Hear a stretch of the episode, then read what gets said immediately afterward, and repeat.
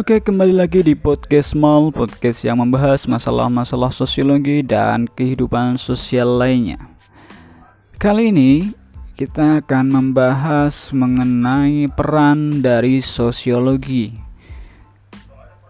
Sebelumnya di episode yang sebelum ini kita sudah membahas mengenai fungsi-fungsi dari sosiologi itu apa saja gitu ya. Nah, sekarang kita akan coba membahas mengenai peran dari sosiologi.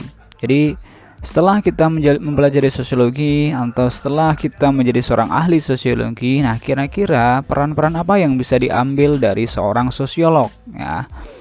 Setidaknya dalam pembahasan kali ini ada empat peran yang bisa diambil oleh seorang sosiolog. Yang pertama adalah sosiolog bisa menjadi seorang konsultan kebijakan.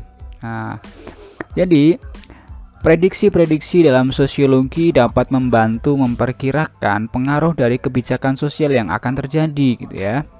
Misal ada seorang ada pemeri, uh, pengampu kebijakan gitu ya. Dalam hal ini misalkan pemerintah atau misalkan sebuah uh, perusahaan dan lain sebagainya ketika akan membuat sebuah kebijakan maka perlu adanya prediksi dari seorang ahli. Dalam hal ini seorang sosiolog dapat menjadi salah satu ahlinya. Jadi kebijakan-kebijakan yang diambil dengan harapan bisa menghasilkan pengaruh dan dampak yang diinginkan, terutama bila kebijakan itu terkait dengan kehidupan sosial masyarakat. Nah, jadi prediksi dari seorang sosiolog mengenai sebuah kebijakan apakah berdampak positif atau berdampak negatif atau akan mendatangkan sebuah manfaat atau justru akan membuat terjadinya e, keramaian sosial yang kemudian memicu terjadinya konflik, keributan dan sebagainya bisa diprediksi lebih dini sehingga harapannya jika seorang sosiolog bisa memprediksi maka e, kebijakan yang akan diambil itu bisa e, menghasilkan sebuah kebijakan yang pas, kebijakan yang baik, kebijakan yang sesuai dengan apa yang diharapkan. Nah, itu yang pertama. Yang kedua, peran dari seorang sosiolog bisa menjadi seorang ahli riset atau seorang peneliti, ya. Jadi sosiolog, seorang sosiolog itu bisa berfokus pada pengumpulan dan penggunaan data dari hasil penelitiannya. Tujuannya apa? Tujuannya untuk mencari data kehidupan sosial masyarakat. Nah, data dalam dalam penelitian sosiologi ini dapat diolah dan bisa menjadi sebuah e, solusi atau sebuah uh, acuan dalam merumuskan sebuah pemecahan bagi permasalahan-permasalahan sosial yang ada. Selain itu, seorang peneliti juga bisa uh, mengembangkan keilmuan sosial, baik itu sosiologi maupun ilmu-ilmu sosial lainnya melalui penelitian. Oke, itu peran yang kedua. Peran yang ketiga, seorang sosiolog bisa menjadi seorang praktisi. Nah, seorang praksi ini maksudnya adalah seorang sosiolog bisa terlibat dalam perencanaan dan pelaksanaan kegiatan masyarakat. Jadi bisa langsung terjun dalam pelaksanaan kegiatan masyarakat.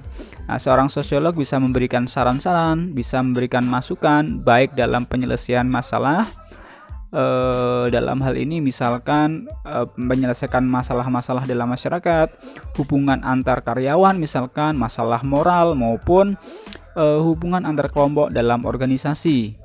Nah, selain itu, misalkan dalam proses perannya sebagai praktisi, seorang sosiolog bisa aktif menjadi seorang aktivis sosial, misalkan menyuarakan e, kepentingan masyarakat-masyarakat marginal, kemudian mengkampanyekan sebuah kebijakan-kebijakan yang yang baik dan mengkritisi kebijakan-kebijakan yang kemudian dinilai tidak bermanfaat bagi masyarakat.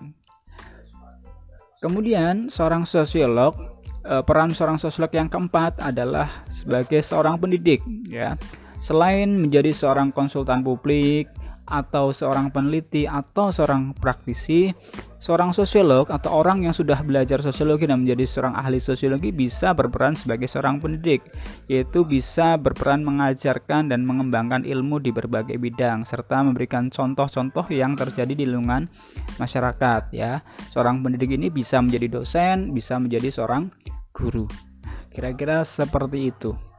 Jadi, ketika kalian sudah belajar sosiologi dan kemudian menekuni bidang kajian sosiologi, uh, jadi jangan khawatir gitu ya, karena banyak peran-peran yang bisa diambil dari kita belajar sosiologi. Sebenarnya banyak sekali kebijakan-kebijakan yang kemudian perlu peran dari peran dari seorang sosiolog karena apa? Karena kehidupan kita itu kan selalu berkaitan dengan kehidupan sosial masyarakat dan kita hidup di masyarakat. Pastilah uh, sosiologi berperan dalam memecahkan atau menganalisis problem-problem yang ada di dalam masyarakat. Baik, itu saja untuk penjelasan dari peran-peran sosiologi untuk hari ini. Uh, kita akan ketemu lagi di pembahasan sosiologi berikutnya. Terima kasih.